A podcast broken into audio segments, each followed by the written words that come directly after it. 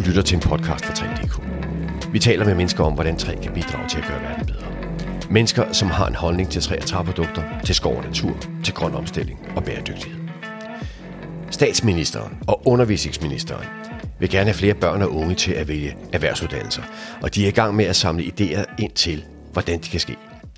De har blandt andet spurgt en træmand, så ham spørger vi også.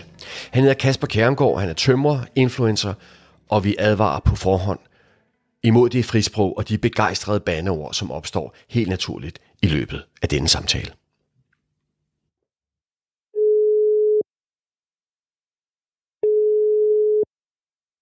Det er Kasper Kjermgaard, tømmer og træmand. Kæmpe hjerte for træ. Dag Kasper, øh, det er Martin Einfeldt fra 3DK. Vil du ikke fortælle, ja du har allerede fortalt om, lidt om, hvem du er. Det vil vi gerne høre mere om. Og du må allerførst gerne fortælle, hvorfor jeg har ringet til dig. Jamen, det er så fantastisk, at jeg møder Martin nede ved pølsevognen på Rådhuspladsen, og så siger han, du er vild med træ, jeg kan se det på dig, du ligner en træfigur. Vil du ikke være med i vores allerfedeste podcast? Det æder med med løgn. Landet. det er fuldstændig løgn. Det er fuldstændig løgn. Men det var sgu da en god historie. Det er en god historie. Ja, ja, det er super. Nej, det er jo faktisk sådan, at for noget tid siden var jeg sammen med 10 andre inviteret til en rundbordsnak sammen med Mette Frederiksen og Mathias Tesfaye. Og i den forbindelse snakker vi om, hvordan kan vi ligesom alle være med til at sikre, at vi får flere kloge hænder, altså håndværkere. Hvordan kan vi optimere vores erhvervsuddannelser, og hvordan kan vi det hele taget få de unge til at vælge en erhvervsmæssig uddannelse. Ja. Efter mødet, som var et super fedt møde, meget nærværende, mange super skarpe spørgsmål, så synes jeg jo, øh, som den person jeg er, at jeg ligesom vil prøve at løfte den opgave som ene mand ved at tage fat i forskellige medier, og jeg elsker træ, og jeg har jo lavet noget for jer før, og tænkte, at det var super oplagt at sætte endnu mere fokus på lige præcis det her emne. Yes. Du tog simpelthen fat i os, og ville gerne tale med os i denne her podcast. Tak for, for, for det. Uh, og der, der er mange ting, vi, vi skal tale om. Uh, jeg skal lige kort præsentere, hvem du er. Og det, det kan jo siges med en sætning. Du har 140.000 følgere på Instagram. Ja, det er rigtigt. Hvad fanden er det for noget? Jamen, det er jo helt crazy. Altså, øh, jeg har jo været på Instagram i mange år, og jeg tror, at kærligheden til Instagram og det at formidle, og så helt sikkert det der med at lave tips og tricks, det er øh, en af de helt store ting øh, på Instagram. I kraft af, at min profil er vokset så meget, så får man jo lige pludselig også både en, en, en større stemme, men der er flere, der lytter med. Øhm, og det synes jeg forpligter, og øh, jeg prøver at være en rigtig god rollemodel for mit fag. Det vil sige, at der er rigtig mange unge, der skriver til mig hver dag, et sted mellem 5 og 10, øh, på alle mulige ting. Noget med forskellige tips til, hvordan man skal skære, men også det her med, jeg synes, det er svært med mester, jeg synes, det er svært med uddannelsen, jeg synes, det er svært med skolen. Så jeg prøver at guide det bedste, jeg kan. Og man kan sige, min Instagram er jo ikke der er ikke lagt en plan, en motorvej med, at det det her, den indeholder. Jeg er helt klart åben for, at når, nu er det så ikke hver dag, at Mette Frederiksen hun, hun ringer og spørger, om man vil komme til møde, men, men, men der er altid, øh, hvad skal man sige, mulighed for, at der kan komme noget ind for højre. Øh, men, men ja, det er crazy med 140.000 følgere, og jeg gik viralt i februar, og så stak det jo helt af, og har, nu har jeg lavet øh, 30 film, som har fået over en million visninger. Det er jo vildt. Så de her 140.000, er de fleste af dem kommet i løbet af det sidste halve år, altså fra februar 23 til nu, august 23? Jamen det, ja, altså i, øh, i februar laver jeg en, en ret simpel reel, som nu har fået over 6 millioner visninger. What? Og i løbet, og, og, i, og i løbet af en nat, der får jeg over 15.000 følgere. Og jeg vågner, for jeg kan huske, da jeg gik i seng, der havde jeg lige lavet et eller andet, der havde jeg måske 40.000 følgere, og pludselig så er jeg ligger op på 55, så tænker jeg, hvad fanden sker der? Ja. Og så gik jeg jo så ind og så den her reel, som bare var eksploderet. Og så går det jo stærkt, fordi så er man jo inde i Instagrams algoritme, og så har jeg jo så blevet ved med at lave Reels film med tips og tricks i samme ånd. Og det er jo lidt TikTok-agtigt, det går stærkt, men stadigvæk med et hardcore tips. Og det virker. Ja. Den reel, der skaffede 15.000 følgere på en nat. Hvad sagde du der? Ja. Jamen, jeg sagde faktisk ikke noget. Det var fuldstændig... Altså, nu er jeg jo kæmpe fan af Jørgen Klevin. Og ja. man, man, man, vil, man vil jo gerne have, at Jørgen Klevin kunne komme ud over til alle dem, der ikke ved, hvem Jørgen Klevin er. Så var han jo øh, stamfaderen af det her med DIY, altså gør det selv, ja. hvor han klippede og klistrede.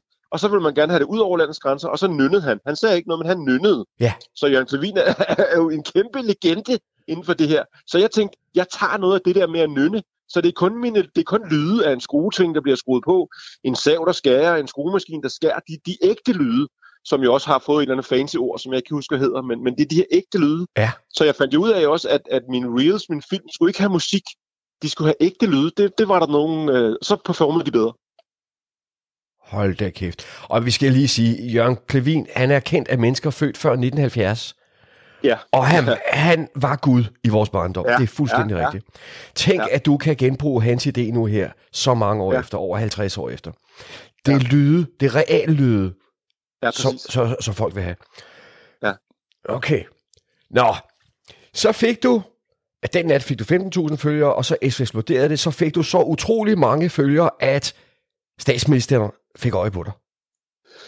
Nej, jeg tror ikke, det var det, der gjorde, at statsminister fik øje på mig. Det er sådan, at, at man kan sige, jeg er en stolt håndværker. Jeg øh, har stået i lære i starten af 90'erne. Jeg har været med til at bygge øh, Amalienborg, Christiansborg Slot, har jeg været inde og arbejde på. Så den der stolte håndværker øh, ligger i mit øh, DNA.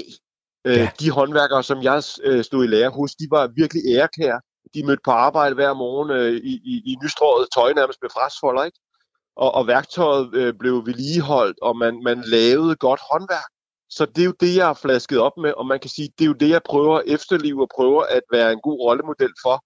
Så jeg har taget fat i Mette Frederiksen før. Jeg har skrevet til hende mange gange. Ja, Men, men fordi, altså, det ligger sådan hos mig, at fordi jeg får et nej, så er det jo ikke ens betydende med, at det er en dårlig idé. Så kan det være dårlig timing, jeg ramte hende før frokost. Der kan være mange grunde til, at man ikke får ja. en aftale. Det er jo aldrig, fordi det er et, et soleklart nej. Så når jeg får et nej, så tænker jeg, hmm, så må jeg lige tykke på den. Hvordan kan jeg så angribe den? Ja. Hvordan kan jeg så komme til fadet? Og der er jeg jo blevet ved, og man kan sige, øh, jo, så har man selvfølgelig også fået en større berettigelse, fordi man har en større stemme i kraft af så mange følgere. Men jeg tror helt klart også, det er fordi, hun kan mærke, at jeg har noget på hjertet. og hvad var det så, du havde på hjertet, da du mødte hende? Jamen det, jeg har på hjertet, og det, som jeg jo også svarer på, når der bliver spurgt ud, hvad kan vi gøre for at få flere unge til at vælge erhvervsuddannelserne?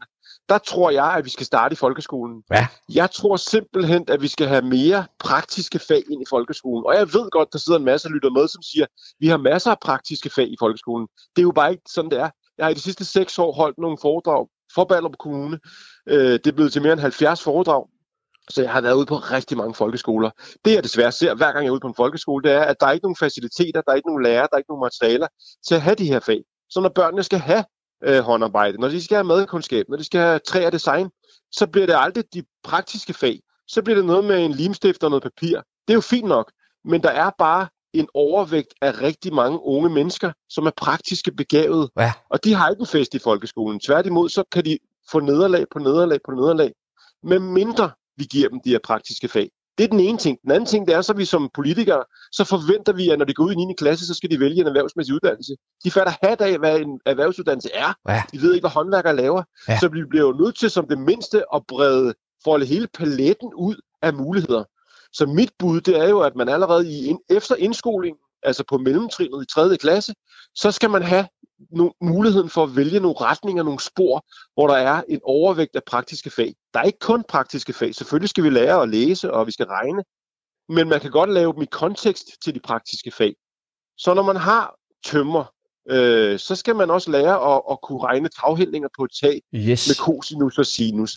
Og når man skal lave materialebeskrivelser, så bruger man dansk, og så bruger man, altså, man kan lave beskrivelser af et byggeprojekt. Så man kan sagtens få tingene til at gå op i en højere enhed, og, og implementere de praktiske fag og byde dem velkommen. Men det du så vil tage udgangspunkt i, det er, at dette 10-års barn vælger ud fra sin egen lyst. Og sine, Præcis. Ja, ja, det giver så meget mening. Og hvis vi får børnene til at vælge noget, de gerne vil lave i mellemtrinnet, så kommer de op i udskolingen 7., 8., 9. Der skal de så have muligheden for måske at gå to dage i skole, og så tre dage ude på et værksted hos en mester. Det kan være en elektriker, det kan være en maler, det kan være en murer, det kan være en sneker, møbelstikker. Jeg ved det ikke. Men på den måde får vi ligesom givet dem en, en vigtighed af, hvad det er at være håndværker, men i virkeligheden også kan vi vække lysten, kærligheden i dem selv. Ligesom med kærlighed, når man ser en sød pige eller en sød dreng, så kan man godt mærke, at blodet, blodet det, det bobler lidt, og uh, hun er sød, eller han er sød, og han smiler til mig, og jeg bliver glad. Den samme boblende fornemmelse skal vi jo have for håndværket. Ja. Så når de unge har, har prøvet det af, så kan der være, der er nogen, der tænker, ej, det der maler, det er bare fedt, det vil jeg gerne lave. Og når de så kommer ud i 9. klasse og skal vælge, hvad de skal, så tænker de, jeg skal på en erhvervsuddannelse, for jeg skal være maler. Ja. Det er jo et opgør med stoleskolen, det der. Det er et opgør med, at øh, vi skal sidde der 30 timer. Øh, vi er vi. vi. Du og jeg er så gamle, det er overstået for os, ikke også? men, men børnene skal sidde der 30 timer på en ja. stol og lære det. Ja. Teorien. Ja. Øh, og så er de her øh, praktiske fag, det er sådan lidt noget, et afbud i, i tiden, lidt adspredelse undervejs. Det vil du gøre op med. Det er super. Ja, og undskyld, jeg afbryder, men jeg, jeg, jeg tror jo også, vi skriver 2023, når du kigger på en skole i dag, og der er så meget, øh, hvor de sidder på deres stole, ikke? Altså, jeg tror, det er vigtigt med den, øh, hvad skal man sige, teknologiske revolution, vi er i gang med. De unge er på deres mobil hele tiden. Ja. Så jeg tror også, det er vigtigt at få dem ud af hovedet og ned i hænderne på de praktiske fag. Så det kan også på den måde, de kan selvfølgelig få øh, vækket en lyst for de praktiske fag, men jeg tror også, det kan give dem en frikvarter. Ud yes. af hovedet, ned i hænderne og bygge et eller andet. Yes. Så der er flere ting, der ligesom spiller ind og gør det en god idé, synes jeg. uh, yes, vi får også gjort noget ved mobiltelefoner. Altså Kasper, forløbig så har du solgt den til mig. Spørgsmålet er, fik du solgt den til Mette Frederiksen og Mathias Tesfaye? Jamen altså, nu har jeg fået at vide, at vi skal til et møde igen på Christiansborg den her gang.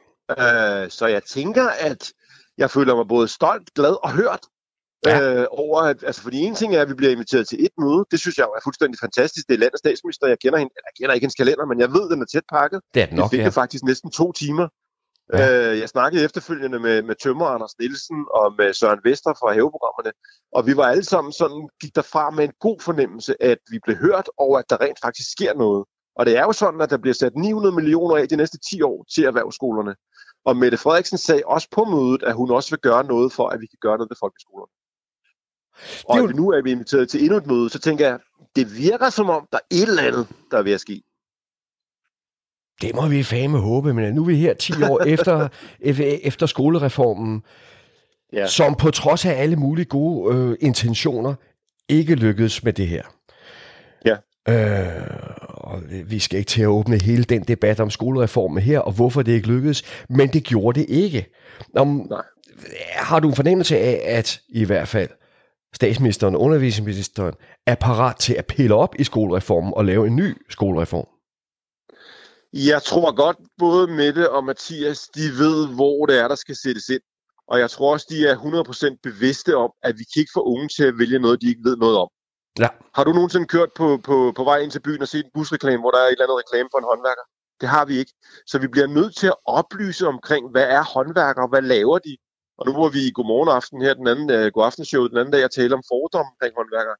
Jeg tror, vi bliver nødt til at nedbryde nogle af alle de her fordomme og, og, og se os alle sammen som ligeværdige og at vi alle sammen har en berettigelse. Altså, vi håndværkere, det er også, der bygger dit hus, det er også, ja. der bygger din seng, dit køkken, ja. dit badeværelse. Ja. Vi, er ikke mere, vi er ikke mere værd end advokaten. Advokaten er også super vigtig. Ja. Men vi har alle sammen, hvad vi end laver i vores lille samfund, en berettigelse, og dermed også en stemme. Og derfor skal vi anerkende hinanden. Når jeg siger, at jeg tror, at vi skal starte i folkeskolen, så er det også fordi, når vi får de unge til at vælge, hvad de gerne vil lave, så kommer de ud i 9. klasse, vælger, hvad de skal, kommer ned på erhvervsskolen. Og hvis vi så lægger erhvervsskolerne samme sted som STX, altså de gymnasielle uddannelser, ja. så kan vi skabe nogle, nogle fede rammer, hvor de unge også er sammen, de fester sammen, de spiser frokost sammen, og dermed måske også en større forståelse for, hvad det er, vi laver. Og dermed på den lange bane en større accept af, hvad vi alle sammen kan, og vi alle sammen berettiger med noget i vores lille samfund. Yes, den, den kører jo også. Altså, vi skal, vi skal præsentere de unge, der lige kommer ud af, af 9. 10. klasse, for mulighederne med erhvervsuddannelserne. Og Præcis. vi skal gøre noget ved øh, fordommene, vi skal gøre noget ved tanken om, at det er mindre fint at have en, en hånduddannelse end en, en øh, hoveduddannelse, ikke også? Nå, ja, ja. spørgsmålet til dig er, hvem er vi? Jamen, nu siger jeg vi, og det er jo fordi, vi var jo 10, der blev inviteret til, øh, til den her rundbordssnak, og vi er jo også øh, de to ministre. Så øh, der, hvor jeg kommer fra, så siger man vi, når vi er mere end to. Øhm, og, og jeg har helt klart en oplevelse af, at, at vi er flere. Ja. Og jeg kan jo også, når jeg, jeg har jo været, øh, været, været flittig og lagt meget op på min profil. Ja. Og jeg fornemmer jo mange, der ligesom siger, at de synes også, det er en god idé at der bliver gjort noget ved både folkeskolen og ikke mindst for de erhvervs, øh, for erhvervsuddannelserne. Så når jeg siger vi, så er det jo også, øh, det er jo både fordi, jeg har helt klart en fornemmelse, og jeg ved jo, der er flere, men det er også fordi, jeg har gået rundt med et håb om, at vi rent faktisk kan skabe den her fremtid for de unge, som gerne vil. Fordi der er jo ikke noget prestige i at vælge en håndværksmæssig uddannelse i dag, og jeg kigger bare ned på mig selv. Her den anden dag byggede jeg en par til en kano, Ja. Som så hedder en år, har jeg fundet ud af. Men ikke desto mindre, så er det jo sådan noget, det er jo ligesom at være en superhelt, at man finder nogle, nu fandt jeg det så i en skraldebunke, ja. med et træ, som jeg får skåret op, for limet fra høvlet, og slebet og lakeret. Og når man så tager den på kanotur weekenden efter, hvor jeg var i Sverige, og så padler, det er jo ligesom at sidde som en super og tænke, shit mand, den byggede jeg. Ja, og jeg tror også, ja. at mange af de unge mennesker i dag i folkeskolen har vi jo også de her dårlige selvværd og angst og depressioner. Men den der oplevelse af at kunne mestre et håndværk, giver jo sådan en god indre følelse af, at hold kæft, jeg er noget værd. Jeg kan noget. Ja. Så, så, så der, jeg synes, der er mange ting, der taler i, at vi skal have flere unge til at få øjnene op for, hvad en håndværksmæssig uddannelse kan, og hvad det i virkeligheden er. Det er alt det, der så kommer efter folkeskolen, når vi modtager ja. eleverne. Øh, ja. når, når undervisningssystemet skal på en eller anden måde modtage eleverne. Har du, har du talt med erhvervsskolerne om, om det her? Ja, jeg vil faktisk sige sådan, at jeg har forsøgt at få øh, rigtig mange erhvervsskoler i tale, men det er ikke lykkedes mig at få det nu. Øh, så det det, og jeg har skrevet rigtig, rigtig mange mails. Øh, men det må være et eller andet sted, jeg ved ikke, hvorfor jeg ikke er kommet igennem. Øh, så jeg, altså, som jeg altid plejer, så, øh, så tænker jeg, når man, det er ikke ens betydende med, at jeg giver op. Nej. Det er ikke ens betydende med, at det er en dårlig idé. Men så angriber jeg bare området på en anden måde. Nu er vi blevet inviteret til møde med selveste landets statsminister Mette Frederiksen og ja. undervisningsminister Mathias Tesfaye. Ja. Og det tænker jeg, hold da kæft, man, jeg lavede et opslag på LinkedIn, øh, som også bare har fået rigtig mange visninger. Ja. Så der er mange, der ligesom synes, det her har en berettigelse, og vi skal have sat større fokus på det. Det vi sætter fokus på, det får vi mere af, ikke? Øhm, så, så, så jeg tror på, at vi skal fokusere mere på, hvad håndværksmæssige, de håndværksmæssige uddannelser er, og hvad de kan. Og dermed også skabe en, en, en mere... Se- vi har jo en grøn omstilling, vi skal jo skal imødekomme her inden længe, ikke? Og vi skal jo have bygget, jeg ved ikke, hvor mange vindmøller, og vi har ikke nogen hænder til det. Ja. Jeg var til, jeg var til sådan et, et weekendarrangement her øh, lørdag, hvor at, øh, jeg sidder sammen med en øh, elektronikingeniør, som siger, prøv at vi kan ikke få elektrikere. Vi kan ikke få nogle elektrikere til at bygge de her vindmøller, til de her turbiner. Det så uddann dig til elektriker, og du ved, hvad du skal lave de næste 30 år, og du kan få en fyrste løn, du kan lave nogle fede projekter, hvor du står ude på havet og bygger vindmøller. Det må da være det fedeste, ja. tænker jeg. Jamen, det er fordi, vi mangler elektrikere, murer, tømrere, og vi mangler ja. sygeplejersker, og vi mangler socioassistenter. Vi, vi ja. mangler alt muligt i det her. Ja. Og nu sidder jeg altså her øh, i en træ-podcast for at tale med mennesker om, hvordan vi kan bruge træ til at gøre verden bedre. Ja. Og så kommer træ-egoismen her. Har du nogen idéer til, hvordan vi får lukket de unge over til at blive tømmer og snekere, i stedet for at blive alt muligt andet? Når nu der jeg er så hård konkurrence. Der, ja, jeg tror, der er en stor søgning på, på både sneker og tømmer. Og man kan sige, der hvor jeg stod i lærer, det var et firma ude for Hvidovre. Vi var jo så heldige at have Slås som kunde. Ja. Så vi lavede jo rent snekerarbejde og rigtig tømmerarbejde.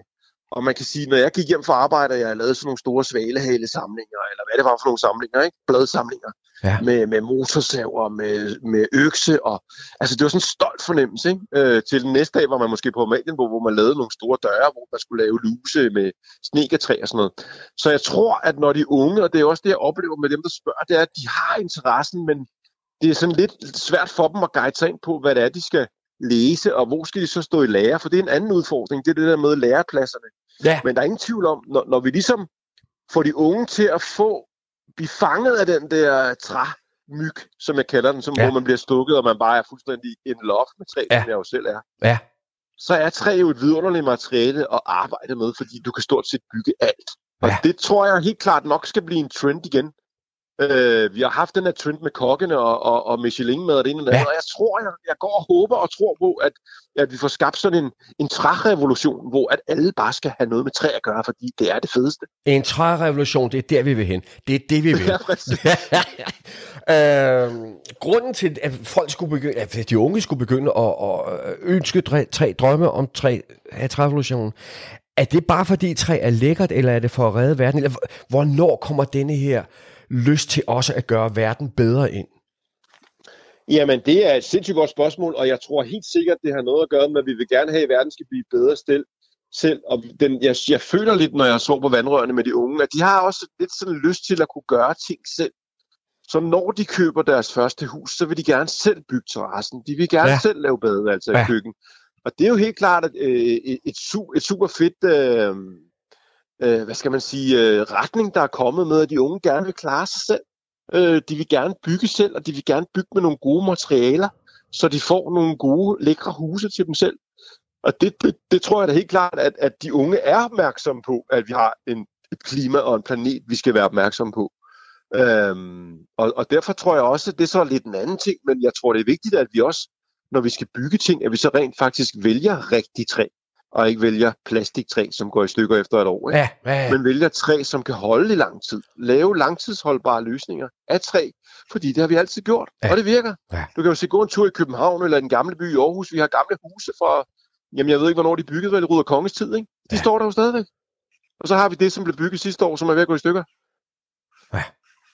Træ er et fantastisk materiale, og jo, jeg ved godt, når vi fælder det, så skal det både for, forarbejdes, og det skal naturligvis også vedligeholdes, for at kunne holde, for at det ikke rådner.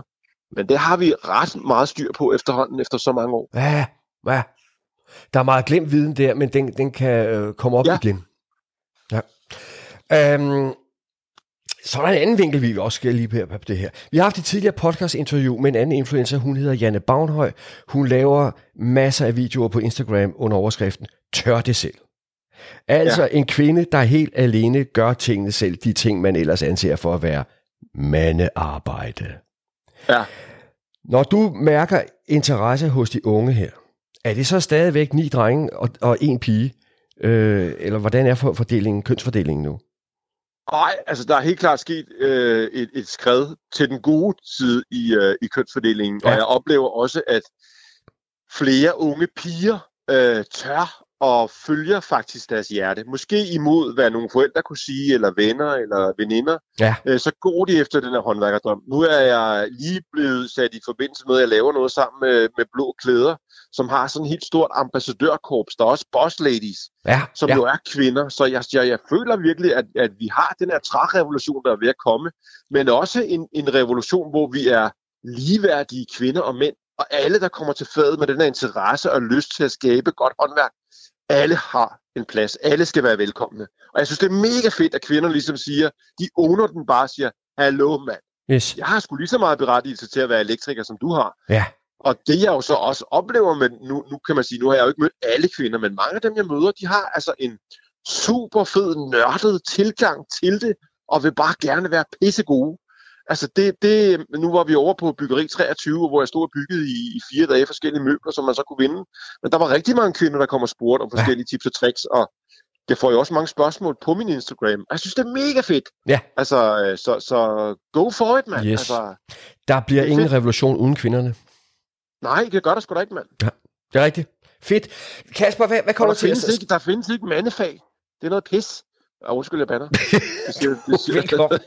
ja, ja. Øh, ja, jo, men du, du, du har ret, og det, det vil i hvert fald for, fordoble in- interessen, øh, groft sagt, hvis øh, kvinder begynder at interessere sig for at gøre det selv i træ også, og det ikke bare bliver en mandeting. Når, når jeg siger det så sort-hvidt, så er det fordi, at øh, 3DK, som den her podcast er, er lavet af, det startede jo for 25 år siden som et mandeprojekt.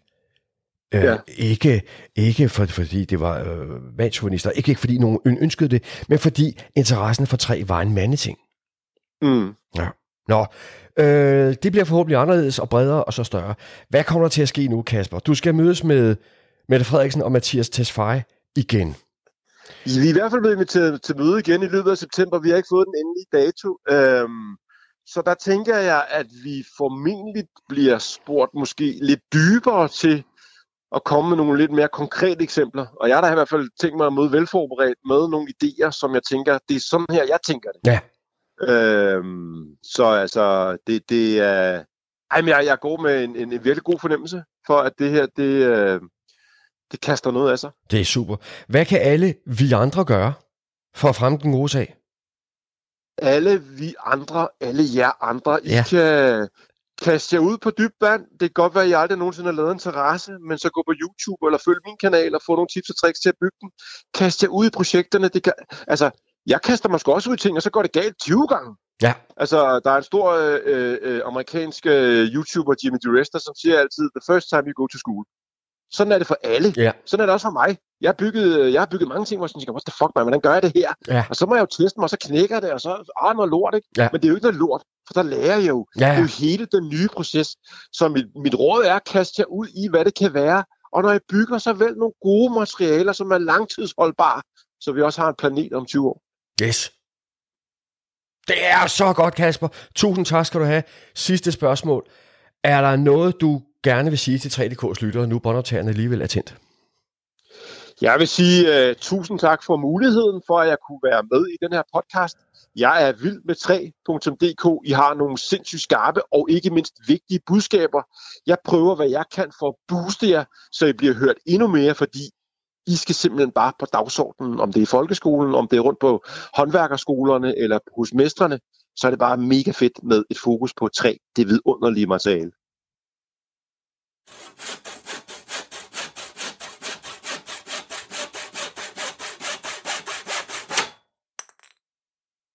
Tak til tømrer og influencer Kasper Kjermgaard. Vi skal have træ på dagsordenen overalt, og vi skal begynde i folkeskolen. Børn skal have muligheden for at komme ud af hovedet, ned i hænderne, og have hænderne fyldt med træ i stedet for telefoner. Det ser ud til, at der er medvind til netop det i øjeblikket. Trærevolutionen kommer, siger Kasper Kærumgaard, og pigerne og kvinderne ser ud til at være mere og mere med på den. Så det er bare om at skubbe på. Hvis du har idéer til emner, som vi bør tage op, eller mennesker, som vi bør tale med, så skriv endelig til info 3dk Og 3 i den mailadresse, det er ikke tallet 3, men de fire bogstaver T-R-A-E. Skriv til os med idéer og kommentarer. Mange tak. Jeg hedder Martin Einfeldt. Lad 3 gøre verden bedre. thank you